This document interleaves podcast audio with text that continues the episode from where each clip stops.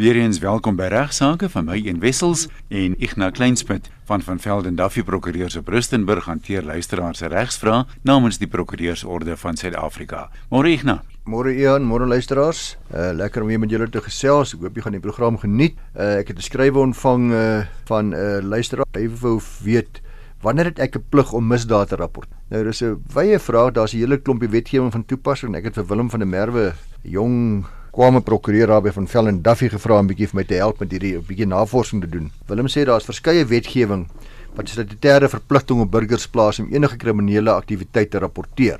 Sê eerstens die wet op die beskerming van grondwetlike demokrasie teen terroriste en verwante aktiwiteite. Die 2004 wet bepaal dat 'n burger tot 5 jaar gevangenisstraf opgelê kan word indien die persoon rede het om te vermoed dat enige ander persoon van voorneme is om enige terreuraktiwiteit te pleeg of reeds gepleeg het en versuim om die owerhede daarvan in kennis te stel. Dit is vir my nuus gewees, dit is vir my nuut. As jy weet van enige moontlike terreur of reeds enige aktiwiteit, dan moet jy dit in kennis stel anders tot 5 jaar gevangenisstraf.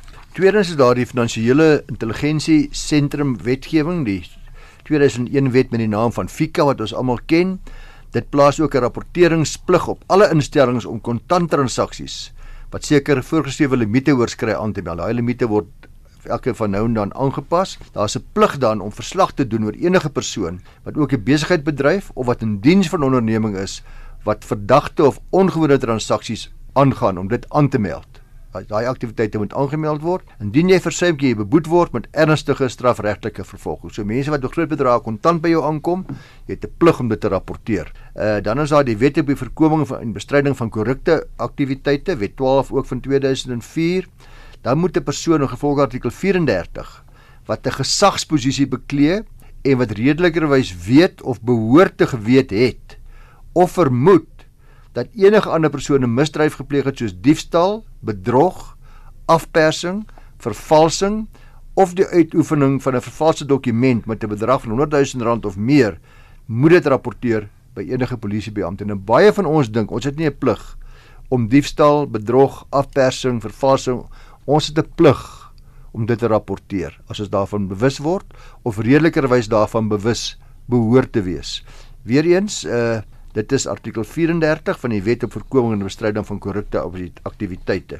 Moet rapporteer by 'n polisiebeampte. Dan 'n belangrike ene wat ek al voorheen gehanteer het, maar wat weer eens van kennis geneem moet word, is rapportering van wat oor kinders gaan veral kindermishandeling. Die Suid-Afrikaanse Grondwet het hieroor 'n baie duidelike bepaling bepaal eksplisiet, spesifiek artikel 28 1 subartikel D, elke kind die reg het om beskerm te word teen mishandeling, verwaarlosing, mishandeling of agteruitgang en artikel 110 van die Kinderwet handel dan ook oor die beskerming van kinders en hulle regte, bevat besonderhede oor die reg op beskerming van kinders wat verleen word deur hierdie artikel 28 van die Grondwet. Nou hulle dwing hierdie artikel sekere professionele sektore om enige kindermishandeling wat op redelike gronde vermoed word aan te meld by 'n aangewese kinderbeskermingsorganisasie of die provinsiale departement van maatskaplike ontwikkeling of 'n polisiebeampte.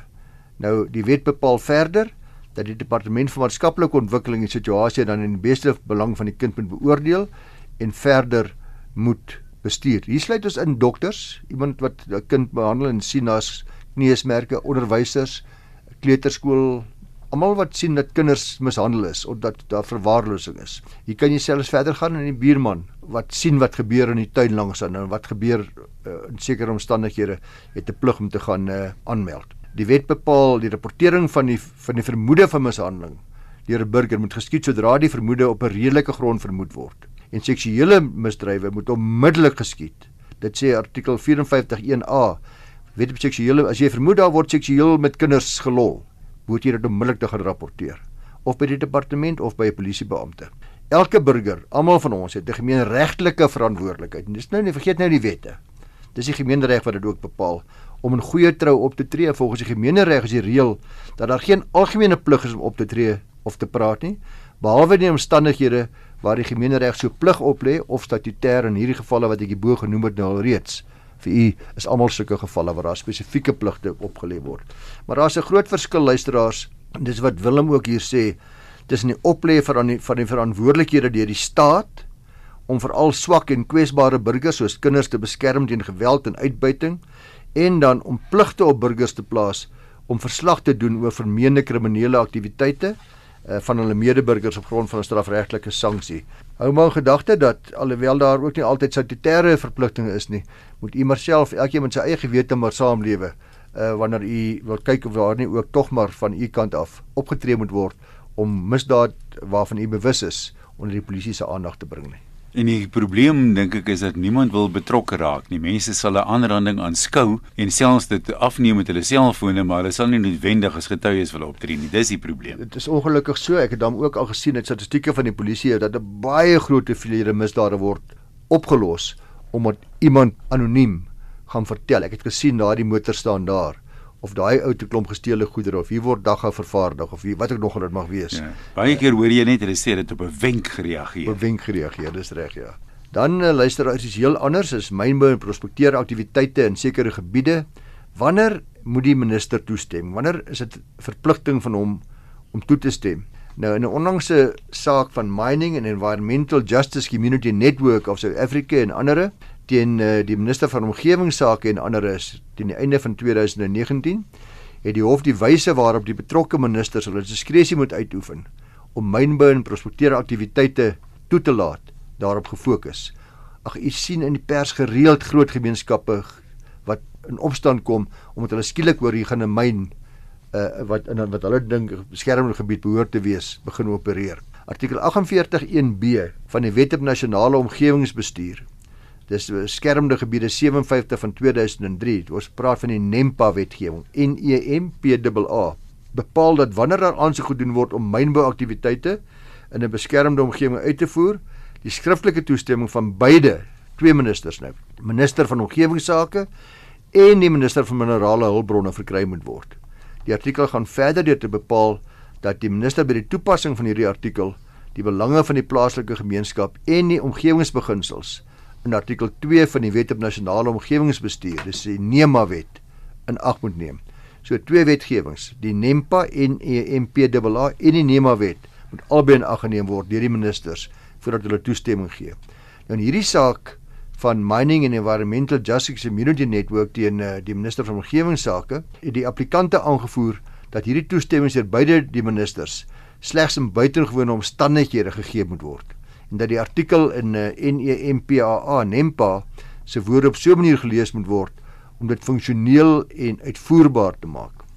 Uh die hof beslis dat dit nie nodig was om buitengewone omstandighede in hierdie artikel te lees nie omdat dit die maatstaf hoër sou stel as wat die wetgewer se voorneme was toe die wet daar gestel is. In steede daarvan sê die hof dat hierdie bepalinge in NEMPA beteken die volgende: ondanks die feit dat die applikant om 'n mynbou en prospekteer aktiwiteit moontlik al die magtigings verkry het soos bepaal deur al die ander wette ten einde hierdie mynbou bedrywighede wettig te kan beoefen en daardie grond word geag 'n beskermde gebied te wees soos beoog in NEMPA dan sal so 'n persoon ook al het hy al die ander toestemmings maak nie saak of buitengewone omstandighede mhm. is of nie moet hy ook die toestemming kry van beide die ministers van omgewingsake en minerale hulpbronne. So die hof het nou baie duidelik gemaak dat die onduidelikheid wat daar destyds was, is nou uit die weg geruim.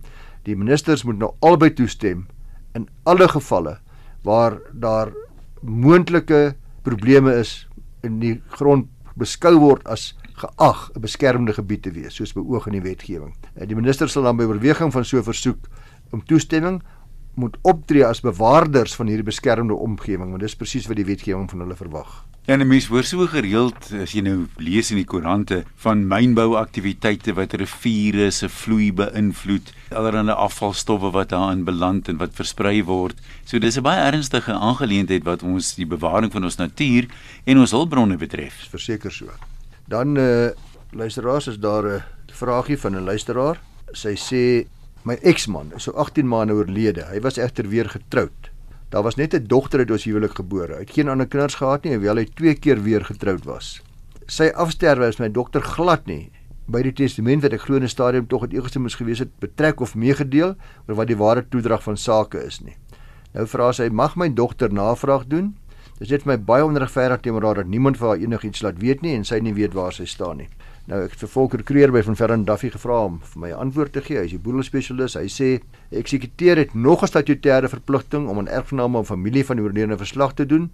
Nog word so 'n verpligting in regspraak geskep. So daar's geen verpligting van eksekuteur om aan almal verslag te doen wat wat belangstel nie. Ons het daarvoorheen verwys na die Moloto saak waar regter Tswala onder andere die volgende opgemerk het in daardie saak. Hy sê it is absurd to suggest that the executor should account to the heirs and or beneficiaries of the estate at any given moment when they demand her to do so. So die eksekuteur moet wel verslag doen en dis belangrik om te verstaan luister, daar's ook hierdie dame wanneer hy of sy die likwidasie en distribusierekening by die meester van die Hooggeregshof indien. Die proses maak voorsiening vir 'n besondere wyse van verslagdoening. Dis die likwidasie en distribusierekening, ons noem dit die L&D rekening. Dit moet na die goedkeuring deur die meester geadverteer word in een plaaslike koerant en die staatskoerant. So mense moet geduldig wag tot dit gebeur. Die plaaslike koerant sal dit sien, staatskoerant sal dit sien. Die erfgename sal dan geregtig wees om hierdie L en D rekening in terme van artikel 35 van die boedelwet na te gaan en dan beswaar daarteen in te dien by die meester. Uh indien die meester dan 'n beswaar kry, moet hy die eksekuteur in kennis stel. Die eksekuteur moet sy beurt weer na die kommentaar kyk en die beswaar oorweeg en dan kommentaar teruggee aan die meester na aanleiding van hierdie beswaar. So wat Volker sê in hierdie geval sou dis ook sê, daar's nie 'n regsplig op die eksekuteur of enige iemand anders om spesifiek aan die luisteraar se dogter verslag te doen oor die testament en die boedel nie. Sy kan natuurlik wel van haar kant af navraag doen, nie niks groot om navraag te doen nie. Maar die vraag is of die eksekuteur plig het om nou vir haar te gaan opsoek en te sê dit en dit en dat. Sy kan navraag doen. Uh, die luisteraar dui nie aan of haar dogter wel pogings aangewend het nie, maar as hy wel navraag sou doen, sou 'n mens hoop dat die eksekuteur uit ordentlikheid, dis wat ordentlik die eksekuteur doen. As mense navraag doen, kinders navraag doen, familielede na, sê, "Is die testament? Kom kyk, dis mos nie geheim nie." Niks om weg te steek nie. En sover as ek by die proses of ek gaan daardie tyd die L&D adverteer in daai koerant, ek kan daarna kyk en ek hoop dat as hy navraag doen dan sal die eksekuteur die saak vir haar opklaar. Natuurlik sal sy ook altyd by die meester van die gebied waar die oorledene was toe hy oorlede was, kon navraag doen as hy daardie mees boete gaan na die Hooggeregshof toe, meester se kantoor is daar, datum van afsterwe, ID-nommer, jy sal na die testament kan gaan kyk. Enigiemand is welkom. Dis daar's nie geheime. Dis nie 'n ding wat mense moet dink dat dis 'n groot geheim nie en dan baie keer baie van die vrae wat ons kry, lyk dit of die luisteraars dink dat hulle nie geregtig is op daardie inligting nie. Maar ek dink die feit dat hierdie dogter nog nie gekontak is nie is wat my betref waarskynlik 'n baie goeie aanduiding dat sy nie 'n erfgenaam volgens die testament is nie, maar gemaak seker. Wat ek nou wou gevra het, ek weet nie of dit in flieks en in boeke gebeur nie, maar soms hoor jy van 'n kluisenaar, een of ander eksentrieke persoon wat eintlik baie welaf is, almal het gedink, jy weet, hy's maar 'n sukkelaar en dan is daar iemand wat goed was vir hom op 'n stadium wat uh, eweskielik in die testament 'n miljoen rand erf of wat ook al. Ja. Hoe weet 'n mens nou in so 'n geval jy's 'n erfgenaam? Ek meen iemand moet jy tog laat weet. Dis nie asof jy familie is en jy verwag jy kan dalk in die testament wees nie. Ja, weer eens as 'n die eksekuteur nie uh, erfgenaam kan opspoor dan moet hy behoorlik adverteer. Hy moet uiteindelik vir die meester dan bewys dat nie teenstaande behoorlike pogings om op te spoor die erfgenaam nie opgespoor kan word nie en in watter geval daai boedel daai deel van die erflating dan terugstel vir in die boedel vir verdeling onder ander erfgename. Maar is 'n redelike moeilike bewyslas. Jy sal baie dikwels in die nasionale pers, die uh, soos die Sonderkoerante se leselike advertensietjies sien. Ja. Uh wat natuurlik oor en oor gebeur met my en ek weet nie hoekom dit met my net is nie. Ek erf almekaar goed van veral in, in, in Noord-Afrika en ja, ander lande, oor, baie selde plaaslik, ja. Oral moet ek mense kontak om te sê ek het hierdie miljoene geërf en natuurlik ja, dis totale twak. Self kon ek al ver gewees het dan ver. net gereageer het. Alles wat jy graag wou weet oor hoe om jou klein diefstal kriminele rekord te laat verdwyn. En dit is nogal 'n belangrike vraag. Baie mense sit met hierdie rekord van 'n baie klein dingetjie wat gebeur het, kriminele rekord en dit pla mense is in die voorkop, hulle wil dit weggaan. Kan mense dit weggaan? Is daar 'n onderskeid tussen klein diefstal en groot diefstal? Nou Waar bietjie, sou dit lê? Ek 'n bietjie daarby uitkom, maar is 'n redelike onderskeid. Goed. Die skrapping van 'n kriminele rekord luisteraars is 'n proses waar tydens kriminele rekord van 'n oortreding geskrap word van die kriminele rekord database. Daar's so 'n kriminele rekord sentrum. J69 is die vorm se vorige veroordelings ja. ja wat die hof moet dan kyk voordat jy dan nou gefonnis word. Nou die bepalinge van artikel 271 hoofletter D van die strafproseswet eh, handel met die skrapping van 'n kriminele rekord. Die, die verwydering van 'n kriminele rekord is in lyn met die beginsel van herstellende geregtigheid. Dit skep 'n geleentheid waar 'n persoon vrylik kan aangaan met sy lewe sonder dat sy kriminele rekord 'n hindernis is vir sy of haar werksgeleenthede. Nou in die saak van Klokku versus G4S Secure Solutions is 'n goeie voorbeeld van die verrykende implikasies wat hierdie kriminele rekord op jou beroep kan hê. Want in hierdie saak is daar baie uitdruklik gesê dat meneer Klokku afgedank was weens versuim om sy kriminele rekord onder sy werkgewer se aandag te bring. Dis nou toe hy aansoek gedoen het vir 'n pos. Die arbeidshof het bevind dat hulle wel skuldig was aan wangedrag, was hierdie afdanking onregverdig. Verder hy nie sy vorige kriminele rekord geopenbaar het nie en die hof uh, het beveel dat hy heraangestel moet word. Maar toe gaan hulle appelhof toe en die appelhof beslis egter dat die afdanking regverdig was, uh omdat ernstige wangedrag is om nie jou vorige veroordelings te openbaar wanneer jy aansoek doen om 'n nuwe werk nie. Nou uh opsonderwys kyk vir hierdie kriteria waaraan voldoen moet word om te kwalifiseer vir die skrapping van so 'n kriminele rekord. En hierdie saak wat ek nou gemeld het, is net 'n goeie aanduiding van hoe ernstig dit is as daai saak tog op jou rekord voorkom. Daar moet 'n 10 jaar verstreke wees tussen die datum van die skuldbevinding en die aansoek vir skrapping van daai skuldbevinding. So met 10 jaar, vir 10 jaar kan jy niks aan doen nie. En dan as die vonnis toegestaan was net vir leiskraf, is een van die gevalle wat jy kan skrap kry wat noodwendige jeugdige impliseer. Korrek. As die vonnis uitgestel was, nou jy sal weet Ian, dat uitgestelde vonnis is 'n baie ligte vonnis. Ek gaan hier nou vonnis nie, ek gaan dit uitstel. Ek hoop dat dit uh, dat jy gaan dit nie weer doen nie of die persoon het gewaarsku en ontslaan was. As die vonnis 'n boete was wat nie die bedrag van R20000 oorskry het nie. Hier kwalifiseer baie mense nou. As jy is beboet en die boete was minder as R20000 Geld dit ook is daar 'n alternatiewe gevangenisstraf as met baie nee, van die boetes is sê net maar R1000 of 3 maande. As die vonnis 'n tronkstraf was met die opsie om 'n boete te betaal wat weer eens die R20000 oorskry nie. In plaas daarvan dan is dit ook een van daardie en wanneer die vonnis vir, vir gevangenisstraf totaal opgeskort was. Anders dit 5 jaar gevangenis gevangenisstraf maar is totaal opgeskort vir die volgende 3 jaar.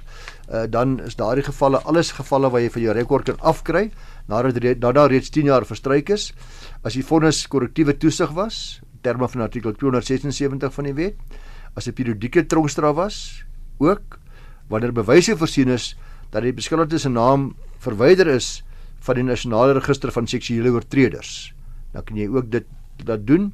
En as jy nie weer gefonnis of tronkstraf uitgedien het vir enige oortreding in daardie 10 jaar tydperk nie. So daar's nou 3. 10 jaar moes verbygegaan het. Dit was een van hierdie vonnisse gewees wat ek nou genoem het en jy moes binne daai 10 jaar natuurlik nie weer 'n nuwe vonnis gehad het nie. Dus dit sal nie kan gebeur as jy byvoorbeeld gefonnis is tot die tot direkte verandering of 'n boete groter as R20000 nie of as jy 10 jaar nie verstryk het nie. Uh, en wat se proses moet jy volg? Die van u wat nou wil weet wat moet ek nou doen?